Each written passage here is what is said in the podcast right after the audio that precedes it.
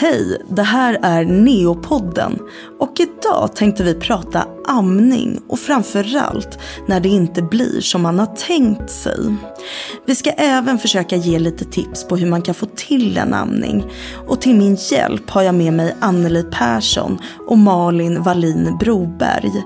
Båda med lång erfarenhet av att stödja och hjälpa mammor till en bättre amning. Hej Anneli, hej Malin och välkomna till Neopodden. Tack så mycket. Hej, idag så ska vi ju prata om amning. Men hur vanligt eh, är det att amningen funkar utan att strula? Oavsett om man föder för tidigt eller inte. Vad, vad säger du Malin? Det är ju något som man måste bygga på. Amning är ju inte lätt. Eh, Man måste liksom ge det en chans. Ja. Och det tar tid. Ja, jag läste att för eh, fullgångna, så då tänker vi ju barn som får komma till BB. Där kan liksom en, om man kan nu säga fullgod amning, men en amning man känner sig trygg med brukar ta en till två månader. Och då kan man ju tänka sig hur det kan vara för de mammorna vi träffar som får barn som föds prematurt eller av någon anledning måste vara på neo.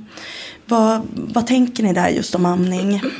Alltså jag tänker nog att det som är ett stort problem idag tror jag det är att man tror att det ska liksom gå av sig självt. Eh, att man tänker att det är liksom bara att klicka dit dem vid bröstet och sen ska det liksom vara färdigt den vägen. Eh, och när man börjar introducera amningen på, på IVA då börjar man ju med att man bara kanske ligger vid bröstet och typ att någon, man någonstans försöker liksom väcka eh, vad heter det, själva mm, introduktionen till amningen. Att man får, barnet får en känsla av att vara sugen på att ta bröstet.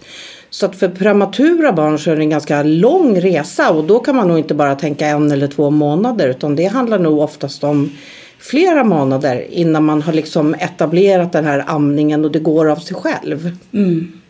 Har ni hört talas om något som kallas mom shaming? Alltså det som, ehm, som är det stora problemet idag kan jag se det är att folk har väldigt mycket åsikter. Man, man fylls ju med information om hur man bör göra, hur man inte göra.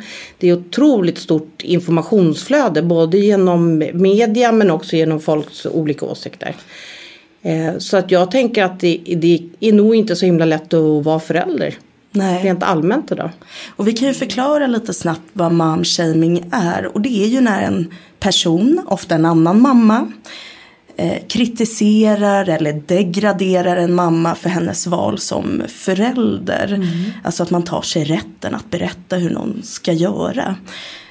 Och det kan ju liksom vara allt, allt ifrån uppfostran till eh, hur man ska klä sina barn eller hur man ammar. Men om amning är nu så svårt, varför tror ni att samhället eller andra kvinnor inte har mer förståelse för att det just är svårt? Varför är vi så Alltså varför är vi så hårda mot varandra?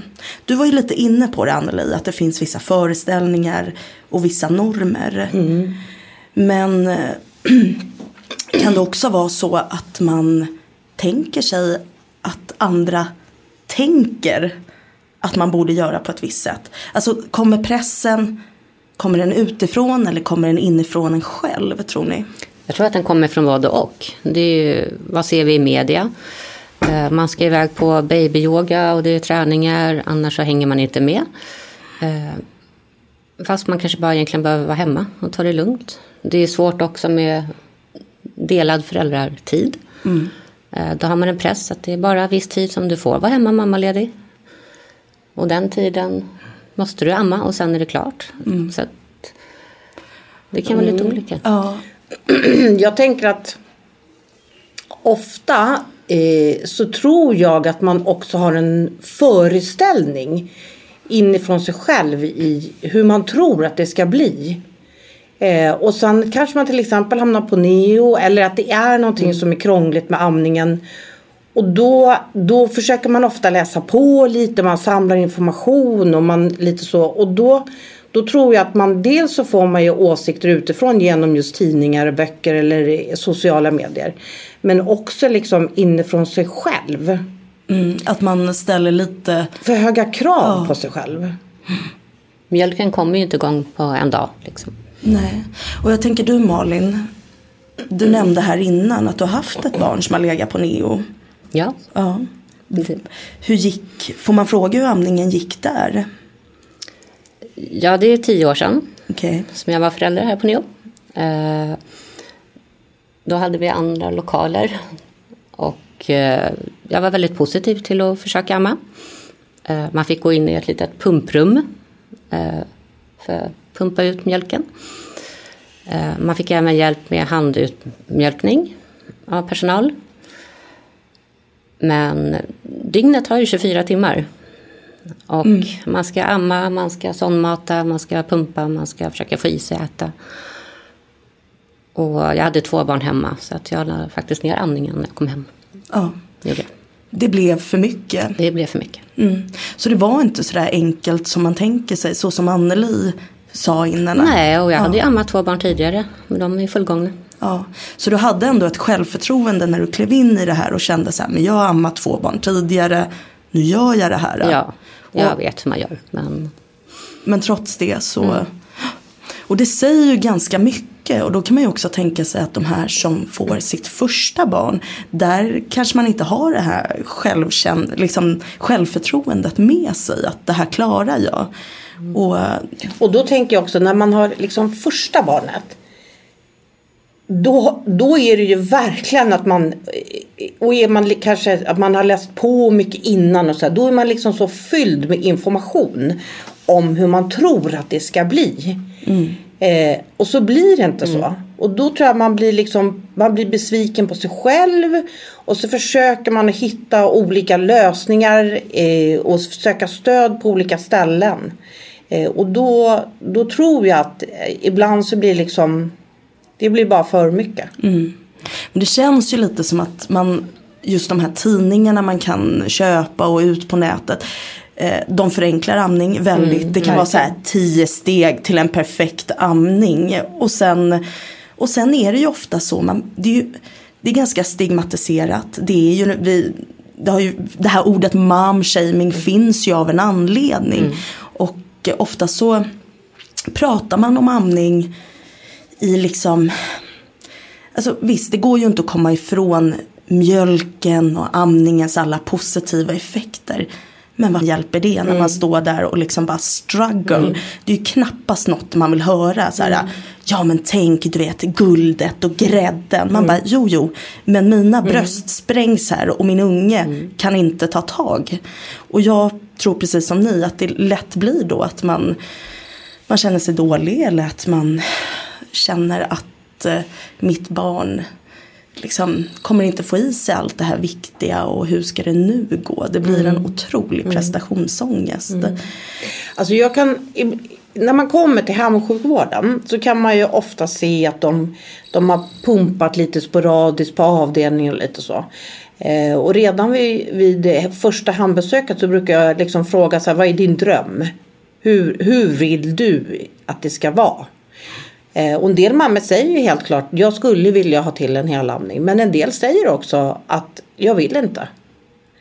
Eh, och då tänker jag också att det är någonting som vi också måste liksom lära oss att respektera faktiskt. Mm. Mm. Och inte då lägga en värdering i ja. det. Mm. Faktiskt. Och inte tjata. Nej. Men man får också säga att är det som så att du har tänkt att du ska helamma då får man jobba på det lite grann. Mm. Och, och om man följer instruktionerna och att man någonstans är villig att avsätta de här två, tre veckorna till det här. Så brukar det gå bra. Så då tänker jag lite att det är min det är liksom mitt jobb att försöka fylla på med positiv energi mm. under tiden som är där. Ja.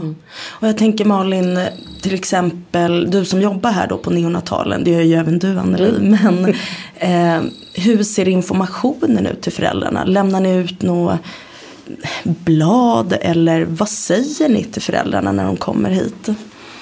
Jag jobbar ju mest inne på familjevården. Eh, och eh, då hoppas jag att de har fått frågan, vill du amma? det är viktigt att man eh, ger frågan. Vad, vad har de för mål under sin tid här på NIO? Eh, vad är deras tankar? Hur vill de lägga upp sitt dygn? Eh, och eh, ge dem information och vad som är bra tips och knep för pumpning om de vill kunna ge egen. Eh, och att de får ta sin tid. Mm. Ja, och tiden är ju så viktig och det vet ju vi som jobbar med det här. Eh, Men kan man tänka sig att så länge man ger dem liksom välgrundad information. För det är ju ändå så att neonatalen är ju amningsvänlig och vi vet eh, att mjölken är viktig. Men att man liksom säger att så här är det och nu är det upp till dig. För att de är ju också vuxna här och måste liksom någonstans få ta Alltså, vi måste ju lita på att föräldrarna tar välgrundade beslut. Ja, Men jag tänker att alla föräldrar vill ju sina barn det bästa. Det är klart att det är så. Men sen kan man ju också lägga funderingar på vad blir det bästa? Att ha en jätteångestfylld mamma som inte liksom får det här att gå runt livet hemma och att det bara blir ångest och jobbigt. Eller att man i sånt fall äter på nappflaska. Ehm, jag tänker är, man, man måste liksom se det lite ur olika mm, vinklar tycker jag. För att eh, det är klart att det är bra att amma och vi vet att, det, att bröstmjölken innehåller väldigt mycket goda eh, saker för barnen. Alltså det är vi helt medvetna om. Jag brukar bara säga att det enda som är viktigt är att man tar ett medvetet val. Om man nu vill amma då måste man vara villig att liksom ställa upp och jobba. Men om man inte är intresserad av att lägga ner det jobbet. Då, då får man erbjuda nappflaska. Jag tänker det finns ganska många mammor också som också pumpar och ger sin bröstmjölk på nappflaska. Det är också ett alternativ om man tycker att det är svårt att amma. Ja, ja men precis. Så att mjölken kan ju barnet ändå få i sig. Och ligga vid bröstet kan den ju också göra. Så att man kan ju liksom man, man kan ju mata och mysa samtidigt. Absolut. Så. Den här mysamningen ska man inte se mellan fingrarna. Den kan leda till någonting bra. Ja, och stärka anknytningen också tänker jag. Men alltså, man tänker ju ofta att så här, amma eller inte amma. Och då tänker man ju helamning. Men delamning då? Finns det de som delammar? Ja, ja, ja. Det finns många som delammar. det finns många eh, mammor som har liksom eh, hälften består av bröstmjölk och då ammar man först och sen så får man erbjuda nappflaska. Jag brukar säga att det finns ingenting som är omöjligt. Om man bara håller igång sin, sin amning parallellt med nappflaskan. Och idag har vi så fantastiskt fina nappflaskor så att de flesta barnen klarar faktiskt av att och göra båda delarna. Förr i tiden hade man inte det på det sättet utan då blev det automatiskt att barnen liksom går över på nappflaska mer. Eh, och att amningen glöms bort liksom. Men idag så finns det väldigt goda alternativ faktiskt. Och alltså det är ju så svårt för många vill ju ha liksom gör så här eller Mm. gör så här. Och en fråga man ofta får är ju men om jag ger nappflaska kommer mitt barn då någonsin kunna amma? Och jag vet inte, det är en väldigt svår fråga för att man vet ju aldrig. Alltså oavsett. Och, Nej. och jag har ändå upplevelsen att när de väl har fått till det så gör de både och. Och sen är det så enkelt att säga att eh, det var för att jag gav nappflaska det inte funkar på bröstet. Det behöver inte vara så men det kan vara så. Och där, där är det svårt, vi vet inte allt. Nej, alltså jag brukar nog säga att så länge som barnen håller på och lär sig att äta så är mitt önskemål att man inte introducerar nappflaskan utan att man håller sig i sånt fall till att amma och sonda. Men när man ser att liksom amningen är etablerad då, då brukar jag säga så här, nu måste du, gör som du vill. Ja. Men eh, vad tänker du, liksom, varför ska man inte ge nappflaska när man tränar amning? Mm, Nej men det kan jag se att ibland så har man gjort det och då, då blir det ibland att barnen blir mer frustrerade över att jag tror att mjölken kommer inte lika fort i brösten som i nappflaskan. Och då blir ungarna liksom förbannade och så, så vet inte föräldrarna riktigt hur ska de till göra hur, för att det ska liksom bli bättre.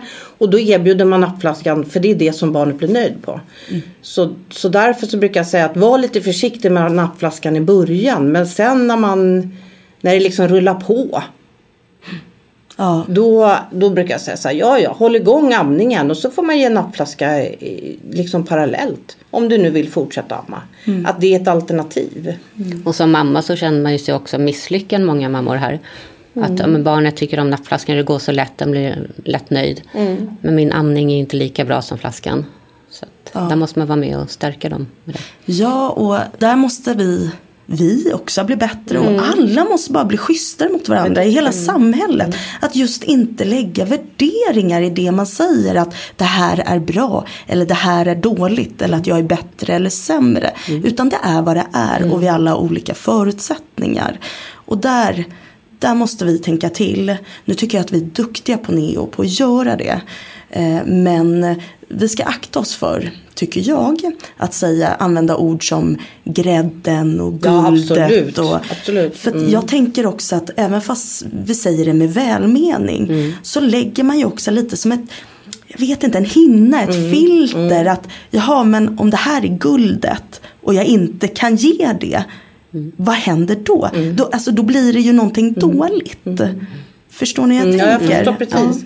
Man måste ju också få liksom få livet att fungera där hemma. Och om det bara är liksom ångest, man får inte dygnet att, att gå runt, man hinner inte sova, man hinner inte äta, för så kan det se ut ibland. Eh, då måste man också fundera på vad som är viktigast tycker jag. Eh, så. Sen kan man liksom aldrig sticka under stol med. Det är klart att bröstmjölk är bra. Men jag brukar också ibland säga så här. Ja, you did your best. Men eh, nu blev det så här och eh, Precis, det går ju inte att älta nej, det. det nej är men jag brukar också liksom- bara säga så här. Tänk bara att du har gjort ditt bästa. Ja. Eh, och nu gick det inte och då bara släpper man det. Man måste liksom gå vidare för att annars så blir det liksom jättejobbigt. Eh, och jag tänker också mm, att man det är så mycket åsikter runt omkring och jag brukar säga att ni måste liksom släppa det där. Ni, du, ni måste på något vis försöka komma vidare för att annars blir det så ångestfyllt för hela familjen. Ja, och jag tänker också att de här som eh, säger de här sakerna. Som också berättar för en hur man ska amma sitt barn eller vad som är bäst för en. Som om de liksom vet vad som är bäst för någon annan. precis. Men jag tänker att de, det, är lite, det speglar liksom lite deras egna osäkerhet och kanske dåliga samvete. För jag tror att det var nog inte så lätt för dem heller. Och då kanske man bara liksom projicerar det här lite på, på andra. Ja, absolut. Men det finns ju många anledningar varför man inte ammar. Vad, liksom, vad kan man tänka sig? Alltså, vissa vill ju faktiskt inte. Nej.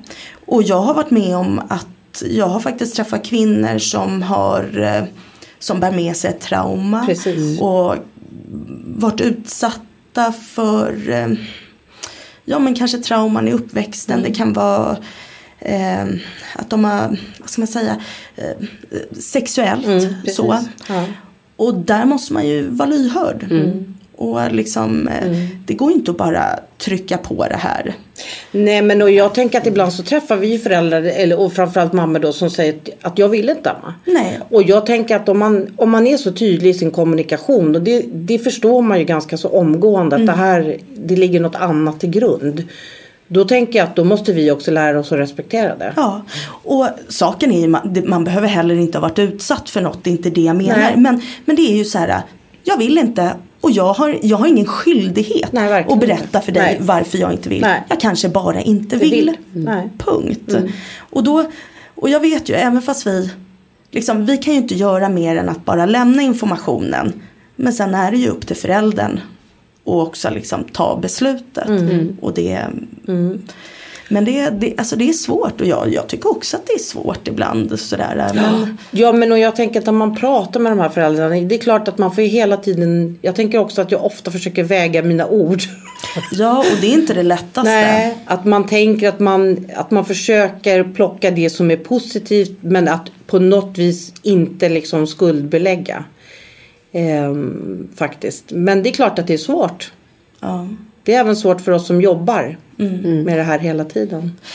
Vilka, jag tänker de som nu inte vill amma. Har ni liksom, vet ni någon orsak? är, brukar de säga att jag vill inte amma för att? Eh, en familj där mamman absolut inte ville, men pappa vill. Oj. Oj. Och Ja. det är ju faktiskt mammans kropp, det är inte hans kropp. Eh, Så det kan vara mycket tryck från familjen och från anhörig. Och eh, hon kände att helamma en duplex eller två tvillingar, eller tvillingar blir för mycket. Så där får man ju gå in och liksom stötta upp henne i hennes beslut. Och säga att börja med flaskmatning men lägg ena barnet till bröstet för bara mys. Eh, Jag fick höra några månader senare så ammar hon faktiskt båda, inte helt, men hon är väldigt nöjd med det. Ja, så hon delammar. Ja, Ja. Jag tänker också att det är väl det som är konsten lite för oss som är sjukvårdspersonal. Att någonstans, i alla fall tänker jag så när jag jobbar, att någonstans hitta vägen som man tror de kan fortsätta på. Inte att de gör massa saker för att vi tycker att de ska göra det. Utan mer att de ska hitta liksom det är som jag brukar säga så här, ja men jag kan ju lämna massor med, med råd och så här, det är det som är bäst och så. Men när tiden i sjukvården är över då gör man ju i alla fall som man tycker är bäst. Och då tänker jag att mitt jobb måste ju ändå vara att, att man försöker hitta den vägen så de kan fortsätta på den sen efter sjukvårdstiden. Men jag tänker också som du berättar Malin där med eh, familjen och med, med att de hade tvillingar där då. Eh, hon, om jag liksom bara läser mellan raderna om jag förstod det rätt. Så var det ju tiden hon, hon kände att hon inte hade. ja. Och, det Och sen ju- pressen. och pressen. Och jag förstår att tanken blir övermäktig. Det är, och också det här med att börjar man pressa någon så är det ju också lätt att de sätter sig på tvären. Och, det, Ja, och så så är det ju för en själv också. Att någon säger så här, du ska. Nej men du, jag ska ingenting. Eller jag ska inte det du säger i alla fall. Och där vill man ju inte hamna för då blir det ju ett låst läge.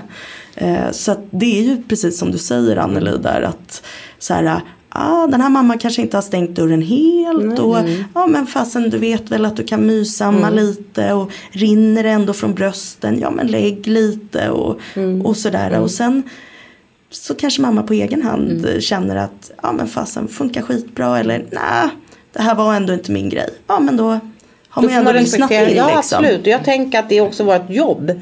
Att vi någonstans måste liksom respektera. Vi måste respektera det. Och ibland kan jag känna att vi behöver kanske dra det där en vanda till ibland faktiskt. Jag märker det som amningsombud på avdelningen att jag får gå runt till många olika familjer där föräldrarna, mamman då speciellt, säger, nej men det här går inte, jag vill inte och alla tjatar att jag ska pumpa och jag ska göra det och jag ska göra det. Och om man bara sätter sig ner och frågar, vad vill du? Hur tänker du? Mm. Vad tror du Malin om att ha eh, liksom förmedlat till föräldrarna att Alltså visst man har ju det här stora målet då kanske då att jag vill helamma. Men vad tror du om att liksom lägga upp en plan och ha delmål istället? Ja, jag eh, dokumenterar nutritionsplaneringar med föräldrar. Eh, Du hur är de jätteduktig på det Malin. Jag vill bara säga det. Ja, Tack. Eh, För det är ändå deras kropp. Det ska funka även i hemmet. På sjukhuset så är man ju instängd i ett rum. Personal som springer. Man har inte samma lugn i kroppen. Så att ofta så tror jag att det släpper. Mjölken släpper, stressen släpper när de kommer hem. Så då brukar jag sätta upp en nutritionsplanering med föräldrar. Vad vill ni? Vad, och delmålen. Hur gör vi innan ni kommer hem? Vad gör ni hemsjukvården? Det är ganska bra tycker jag för att vi, vi försöker ju innan de ska gå hem i hemsjukvården så försöker man ofta stämma av med liksom samvården. Hur har det gått? Vad vill mamma? Eh, är det som så att hon vill amma eller vad är, vad är själva planen? Ehm, och det, det tänker jag att det är, det, är ett, ehm, det är ett bra sätt att fortsätta vården på hemma. För att ibland kan jag också se så säger föräldrarna så här, jag har inte så mycket mjölk säger mamma och det har varit jättejobbigt och så. Och sen när man får vara hemma i hemsjukvården fyra fem dagar då händer det någonting. Helt plötsligt så säger de så här, och jag får ut jättemycket mjölk nu alltihopa. Mer för att det, det, det är en annan miljö och man kan komma till ro hemma och, och så. Och då, då tänker jag att det är så bra att vi på något vis försöker ha ett samarbete. Och jag, jag tänker du som då träffar dem på avdelningen på samvården. Är det lätt att det blir liksom en ond cirkel av allt? Att här finns det, när de kommer hem så har ju en del av oron släppt. Man ser att åh, vi har kommit hem liksom. Men när de är här på avdelningen och första tiden. Att det finns en oro, sömnen kanske inte är så bra. Och vad händer med mjölken och produktionen? Jag tänker, påverkas den av att man liksom inte får sömn och att det är stressigt? Men det gör den.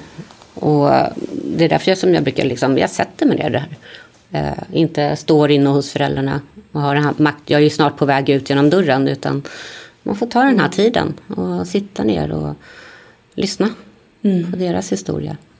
Upplever du att det är någon skillnad på att träningsamma eh, Eh, liksom med eh, prematura och kanske barn som har haft en tuff start till skillnad från att lägga ett barn som eh, föds i fullgången tid och frisk.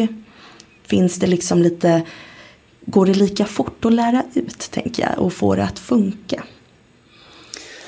Ja, det var svårt. Det beror ju på hur motiverad föräldrarna är. Eh, och sen får man ju lyssna på barnet. Mm. Det är faktiskt den som bestämmer. Ja. ja, och där tänker jag ju också att eh, många av våra barn ligger ju med amningsunderstöd. Mm. Det är ju något som är i vägen. Ha en mm. burrande CPAP och, som stör barna. Och, och också våra fullgångna, de är ju ofta trötta du vet, de kanske ligger, har legat under lampa och mm, solat för att bli av med liksom, Jag brukar säga att de blir lite som en klump. Ja, de här barnen, de blir lite som en klump. Ja. Som man liksom får ta till bröstet. Och, och då är vitsen att man måste liksom försöka väcka upp dem. Att locka dem till att ta mm. bröstet. Mm. Jag kan ibland uppleva att, att ibland blir det lite att man, man vill så gärna att det ska funka. Så att man på något vis liksom trycker in bröstet i munnen. Eh, och jag brukar säga så här, nej, nej, nej, dra bara ner på det där. Vi ska locka dem till att göra mm. det. För att det är då som det också blir väldigt mycket enklare till att etablera en helamning. Mm. Um. Jag tänker Malin, ditt tredje barn, där du la ner amningen. Kände du, hade du ett dåligt samvete eller kände du någon skuld? Jo, men det gjorde man. Man fick ju kommentarer från anhöriga och eh, samhället. Vad sa de då? Eh, varför jag inte ammar, det är väldigt nyttigt, det är ett prematurt barn. Sa du inte då så här, tror inte jag vet det? Nej, jag jobbar inte här då. men eh, jag hade en väldigt bra barnmorska på BVC. Och det är jag tacksam för. Hon var lite din räddning där. Hon var min räddning där. I liksom det här dåliga Sen hade jag ju frysen full med mjölk.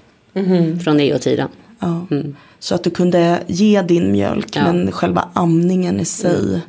gick inte. Nej. Men hur tror ni de här, ja nu fick vi lite svar av dig då Malin, men våra föräldrar där du vet som har kämpat och grejat och liksom velat det här men bara insett att det här går inte eller jag orkar inte. Hur tror ni de mår? Hur, jag, Alltså, ja, du träffade ju dem efteråt. Ja. Och först så mår de liksom ganska dåligt. När man träffar mm. dem och de har, de har jättemycket frågor. Mm. Och, och hur ska jag tänka runt det här med amningen Anneli och, och lite så. Och jag brukar säga så här, jag skulle gärna vilja vara med när de är på hugget. Så. Barna. Barnen mm. är på mm. hugget, ja mm. precis. Mer för att ofta så handlar det om att man bara behöver justera dem någon centimeter. Det är liksom så, så liten marginal. Och då får man barnen att liksom ta bröstet direkt. Då går det ju fort. Men för de som har hållit på så brukar jag också försöka trigga dem lite till att bara. Nej men du, vad fan släpp det där nu. Alltså nu måste vi gå vidare på något vis. Herregud, vad skulle vi göra om det inte fanns ersättning? Ja, jo, men den finns ju av en anledning. Alltså den finns ju för att, så någonstans kan jag tänka att, att det är klart att det är bra att amma. Men på, på liksom, ja. i, jag menar vi har ganska god amningsfrekvens. Jag tror att vi har ändå runt 70 procent och så mm. som, som helammar och så. Mm. Men ja, någonstans så får vi sluta vara så jävla präktiga. Ja, och jag, jo men så är det ju. Och liksom, det är bra att amma men det är inte dåligt att ge Nej, nappflaska. nej. Det, liksom, de här står inte i konflikt Nej, med varandra. inte. Det är ett alternativ Ja. känner jag. Det är stor skillnad. Så är det verkligen. Mm. Och där, ska ju, där vill ju vi säga till föräldrar att så här, var trygg i ditt beslut. Du ska må bra för att Mm. Absolut. Mm. du också är viktig. Men som förälder, Malin, stålsätter man sig lite. Vet man att fasen nu kanske det kommer en kommentar och så liksom. För jag tänker det måste ju också ta på energin. Jo, men det, jag var ju beredd på det. Men som sagt, jag var ju 30 när jag fick mitt sista barn.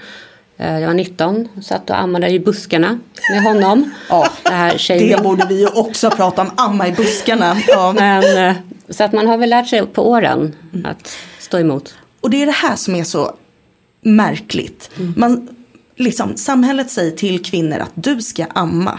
Vilket absolut, vi vet dess fördelar. Men det ska du göra i buskarna. Ja, visst är det Man märkligt. Bara, vad i? Nej. Alltså det här kan ju få en att... Ja, det det, jag det blir så med tudelat. Det blir så dubbla signaler. Vi vill att ni ska amma. Men... Ja, men- Men gör- inte officiellt. Nej, Nej. inte på, inte, jag tänkte säga inte på krogen. Nej. jag menar på restaurangen. Eller kaféet. Eller café. Ja. Nej men jag håller med dig. Det är väldigt, jag tänker att i Sverige så är vi väldigt duktiga på att lämna dubbla budskap. Ja. Ja. Eh, att det ska vara liksom präktigt och att det ska vara så himla bra. Men man blir också jätteupprörd över en mamma som, som ammar sittande på en bänk i en park. Liksom. Eh, det kan jag också tänka och någonstans så om man, om man backar bandet liksom 70 år. Då hade, det, var ju, det var ju barnens överlevnad. Det var inget konstigt. Folk ammar överallt. Och då kan man ifrågasätta hur kan det komma sig att det på något vis är, det är ju onaturligt att göra det ute. Samtidigt som vi framhåller i det här landet att det ska vara naturligt och att det är så bra att amma. Ja. Så att jag tycker att det blir väldigt så här motstridiga mm, eh, Ja. informationsflöden. ja, alltså utan att komma in och bli alldeles för politisk Ja. och sådär, så är det ju lite det här med kvinnokroppen. Alltså att man vill Precis. kontrollera den. Så känner jag. Det, det är liksom eh, Ja men det är, du, du får inte amma öppet och du ska helst inte göra en abort och du får Nej. inte vara naken Nej. och du ska ha liksom allt vad det är. Eh, men, men det, och där känner man ju också att eh, det är betydligt mycket enklare för den som går förbi att titta bort. Mm, precis. Alltså det gör man ju annars Ja. när man ser något. Alltså kommer det någon med världens konstigaste kläder och man vill bara titta. Så har man ju lärt sig att nej Milla det är inte okej att stå och glo. titta bort du vet. Eller fråga. Eller fråga, ja, absolut. Gud, jag så här, hej varför har du så konstiga kläder? nej, nej då. Men, nej, men jag bara tänker, det gör man ju annars. Alltså är det någonting där man känner att åh här kanske liksom så. Då tittar man bort eller man så. Och så tänker jag att det kan väl den människan göra här Absolut. också. Är det så jobbigt? Det är mycket lättare för dig att sätta dig någon annanstans. Bara titta bort. Än vad det är för den här mamman att liksom inte ge sitt barn mat. Ja, jag håller helt med dig. Men det är ju Eh, mycket som kommentarer. sagt, ja. Man vill ju inte gå in i det här politiska. Nej, men jag gjorde och det ändå. kvinnors, kvinnors rättigheter. Men, eh, men jag håller med dig. Det är verkligen någonting som vi skulle behöva prata om. Ja, En annan podd kanske. ja det, det kommer bli.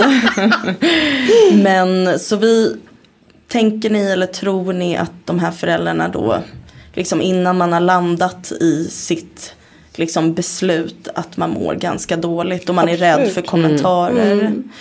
Så att man blir det nya modeordet då, det kanske inte är så nytt men att man blir skammad. Ja, precis. Eh, bo, oavsett vad man gör. Så här, det, det spelar ingen roll. Ammar du, gör det i busken. Ammar du inte, Ja, du gör precis. fel. Ja, jo, ja, men jag håller nog med dig och jag kan tänka att vi skulle behöva vara eh, behöva bli faktiskt lite snällare mot varandra och också sluta och bry oss så mycket om andras åsikter. Ja, alltså också det andra att sluta lägga massa Absolut. åsikter. Alltså det är så här allt. Det är, och det är också som är, som är så konstigt att som vi pratade om tidigare, alla vet att det här är svårt. Det är en process. Det är jättemånga kvinnor som har strulat och bråkat med det här och försökt och och så. Och ändå så lägger vi massa värderingar i det och vi tänker och vi fäller kommentarer. Det är så konstigt på något sätt. Vi borde veta bättre. Verkligen. Men om vi nu också ska försöka ge lite tips och råd. Och då tänker jag att vi har eh, de här föräldrarna nu som är på neonatalen och de kämpar lite eller, ja, eller i hemsjukvården.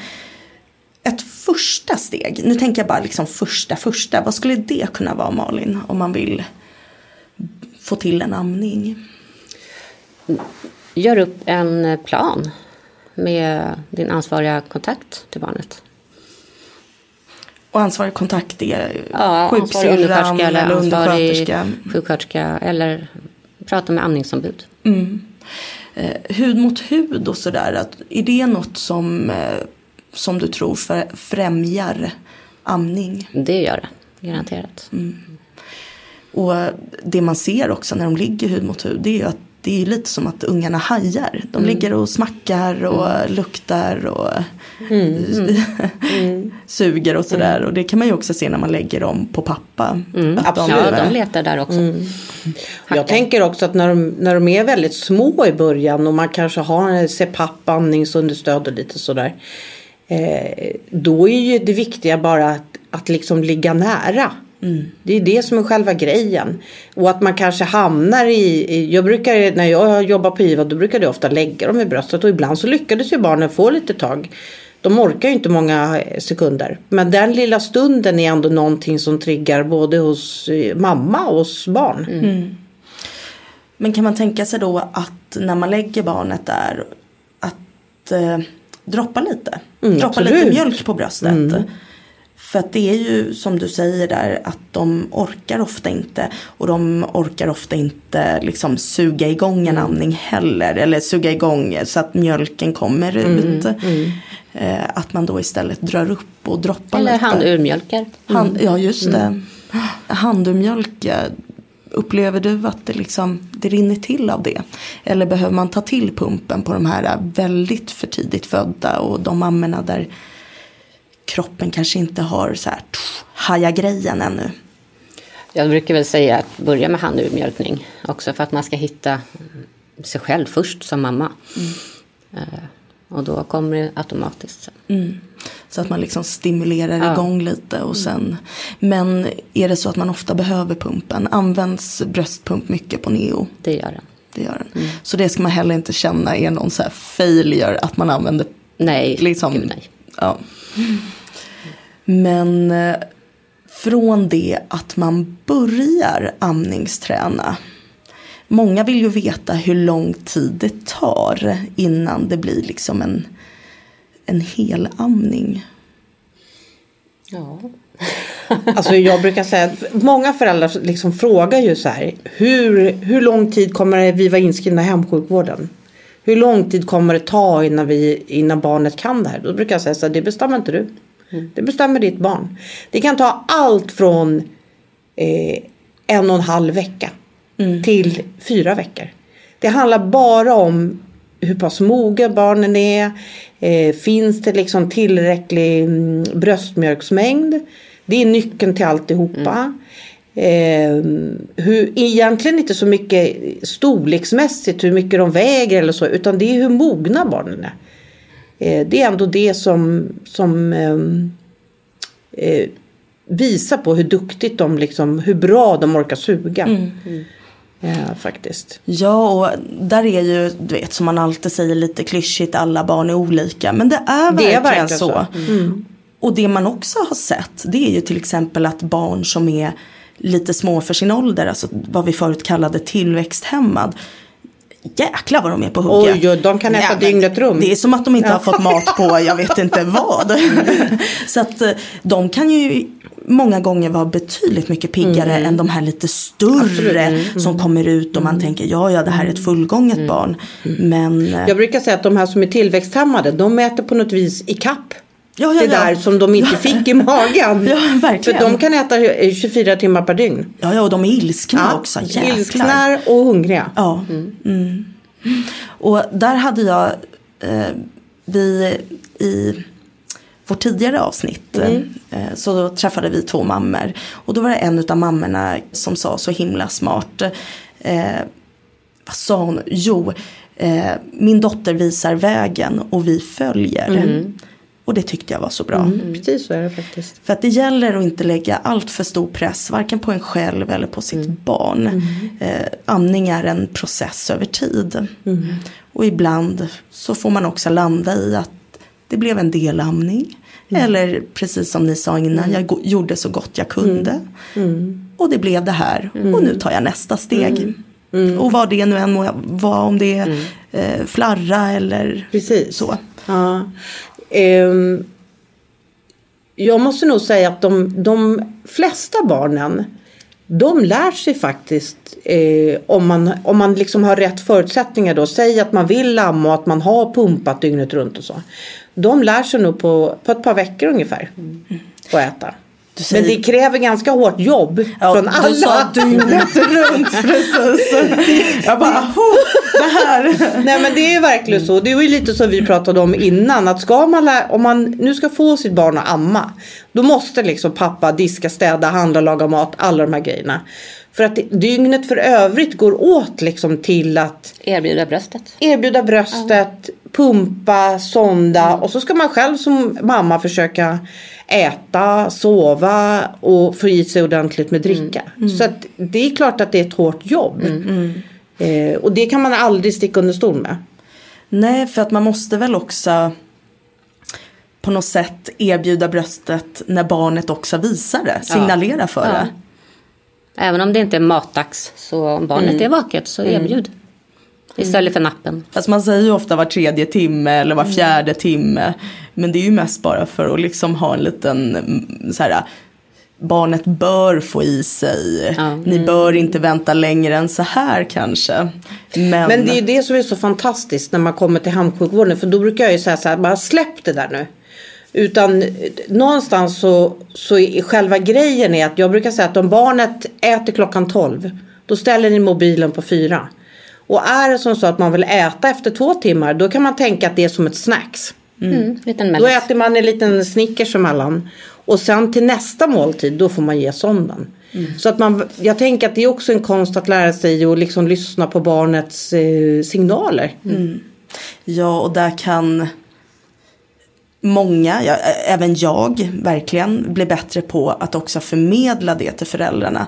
För ibland kommer man ju in till dem och så säger de att ja, alltså han är ju så hungrig och jag vet inte vad jag ska göra och han ska inte äta förrän klockan fyra och då är klockan 20 över tre. Och så tänker man så här, ja men det är okej, ni kan ge maten. precis. det är, liksom, de här tiderna är lite av oss påhittade. Och det är ju mest för att vi vill vara säkra på att barnet får i sig maten. Men vill den ha mat tidigare? Många Ät. gånger är det okej. Ja, absolut. det, det är liksom, om, om vi inte har sagt något annat så är det okej.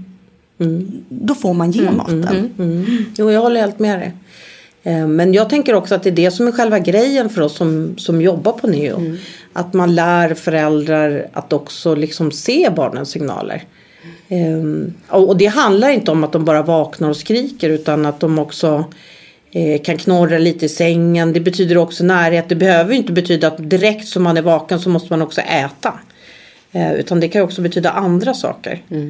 Ehm, men att, att vi skulle behöva, inte på de här som är jättesmå, men på de som blir lite större, att mer lämna utrymme för normal, normal ätning för spädbarn. Mm.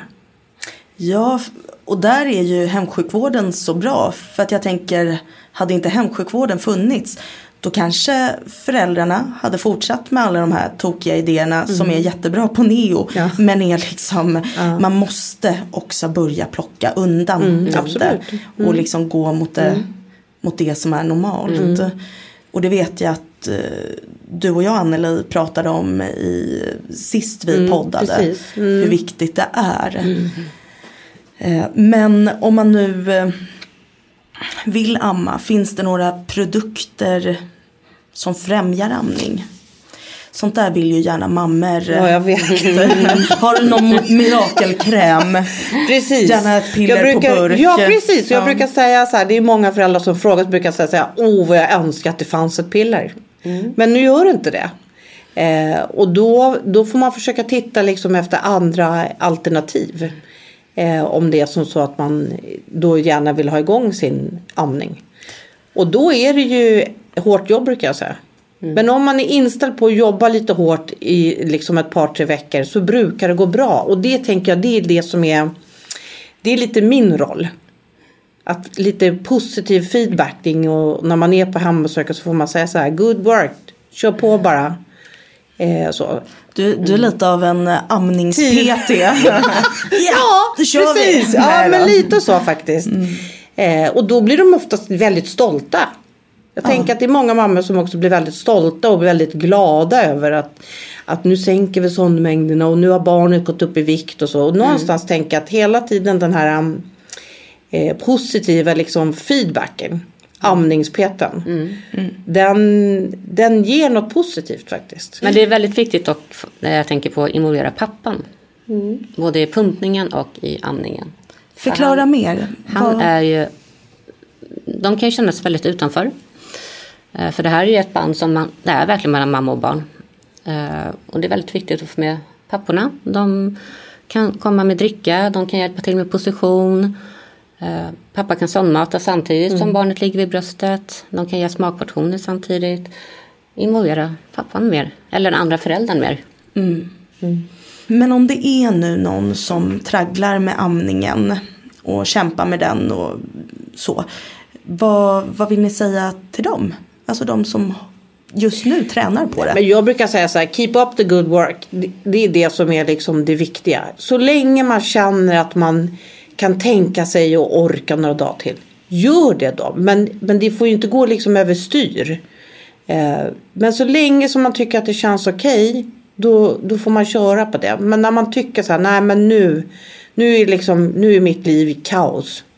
De, och ibland kan jag uppleva att en del föräldrar är precis som att de väntar lite på att jag ska säga också ibland att det är okej. Ja. Och då brukar jag säga så vad, vill du, vad, vill, vad är det du vill att jag ska säga? Och då ler de lite och, och lite sådär. Då brukar jag säga så du vill att jag ska säga att lägg ner det här nu. Ja, säger de då. Ja, och då tycker jag att du ska göra det. Ehm, ja, Och Malin, du som... eh, Eh, jag tänker du som... Där det inte funkade för ditt tredje barn. Vad hade du velat att någon hade sagt till dig när du bestämde dig för att nu skiter jag i det här? Och vad vill du säga till de mammorna idag som har lagt ner sin amning? Att det är faktiskt ens eget beslut. Det är, Man ska orka också. Det är 24 timmar på ett dygn.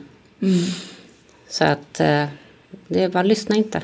Nej, så att du, ja precis, du hade gärna Utan ha lyssna på dig och ditt barn.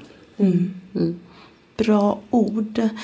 Hörni, det var otroligt kul att få hänga lite med er. Och Verkligen så. jätteroligt. Ja. tack för att jag fick komma tillbaks. ja, det är klart. Vi vill ha tillbaka er båda. Tack för att jag fick komma första gången. Ja, ja, ja, men vad kul. Bra, då var det allt för den här gången. Bra, tack. Tack. Tack Anneli, tack Malin och tack ni som lyssnat. Och till er som kämpar med amningen. Våga lita på dig själv, ge dig själv förståelse och tid. Och kanske viktigast av allt, känn efter vad just du vill och vad du och ditt barn mår bäst av.